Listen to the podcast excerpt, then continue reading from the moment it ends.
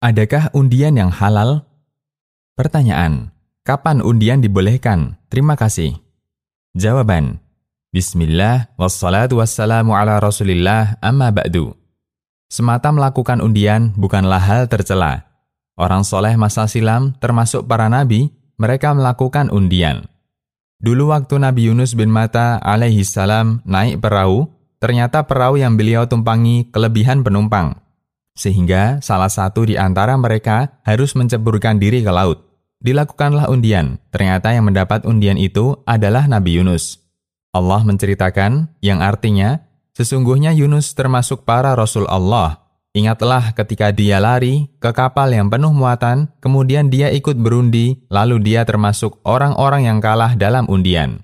Quran Surat As-Soffat ayat 139 hingga 141 Dulu, ketika Maryam binti Imran masih kecil, ibunya menyerahkannya untuk berkhidmat bagi umat. Di saat itu, ada beberapa orang yang berebut untuk mengasuh ibunda Nabi Isa. Salah satu yang terlibat adalah Nabi Zakaria. Ketika itu, beliau berharap memiliki anak dan istri Zakaria adalah bibinya Maryam. Ketika semua merasa berhak untuk mengasuh Maryam, akhirnya mereka berundi.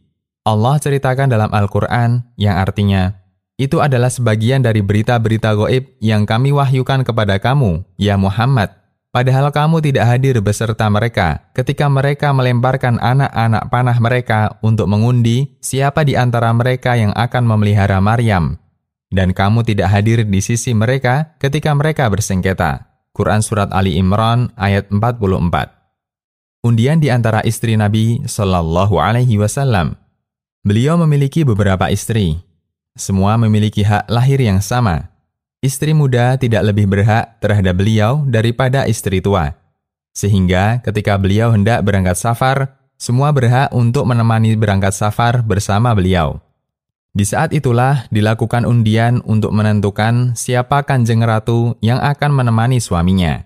Ibunda Aisyah radhiyallahu anha menceritakan, apabila Rasulullah shallallahu alaihi wasallam hendak safar, beliau mengundi di antara istrinya Siapa yang namanya keluar, beliau akan berangkat bersama istrinya yang menang. Hadis riwayat Bukhari, Muslim, dan yang lainnya. Batasan undian yang dibolehkan. Undian dibolehkan ketika di sana tidak ada unsur judi, unsur mukhatarah, yaitu untung rugi, yang menang untung, dan yang kalah rugi. Jika ada unsur untung rugi semacam ini, statusnya judi.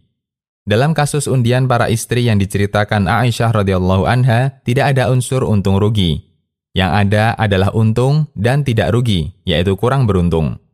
Bagi istri yang namanya keluar, dia untung. Dia bisa berangkat bersama suaminya. Bagi istri yang namanya belum keluar, dia tidak rugi. Berbeda ketika ada orang yang memasang taruhan. Masing-masing membayar 10 ribu, kemudian diundi.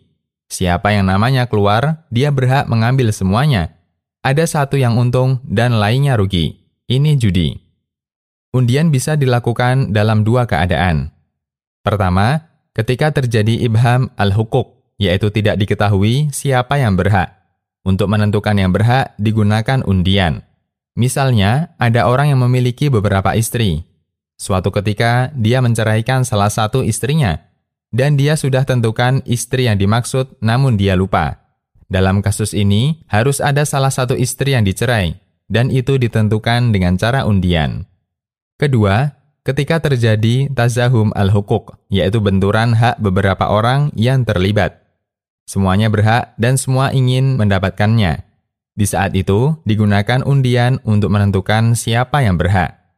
Misalnya, ada tiga orang yang berhak untuk melakukan adzan, Masing-masing memenuhi syarat untuk adzan dan masing-masing berkeinginan untuk adzan. Cara menentukannya digunakan undian. Ada dua guru yang membawa dua roti yang hendak diberikan kepada muridnya yang berjumlah 10 siswa. Semua berkeinginan mendapatkannya. Sang guru menggunakan undian untuk menentukan siapa yang berhak. Catatan, aturan ini berlaku jika ketidakjelasan tersebut terjadi pada hak manusia. Jika ketidakjelasan terkait hak Allah hubungan kita dengan Allah, maka tidak boleh digunakan undian. Karena dalam kasus semacam ini dipilih mana yang lebih meyakinkan. Sebagai contoh, hari Selasa kemarin si A lupa belum mengerjakan salah satu sholat wajib, dan dia juga lupa sholat apa yang belum dia kerjakan. Dalam hal ini, si A tidak boleh menggunakan undian untuk menentukan sholat yang dimaksud. Namun yang harus dia lakukan adalah mengerjakan semua sholat lima waktu sehingga dia benar-benar yakin tidak ada sholat yang dia tinggalkan. Demikian, Allahu a'lam.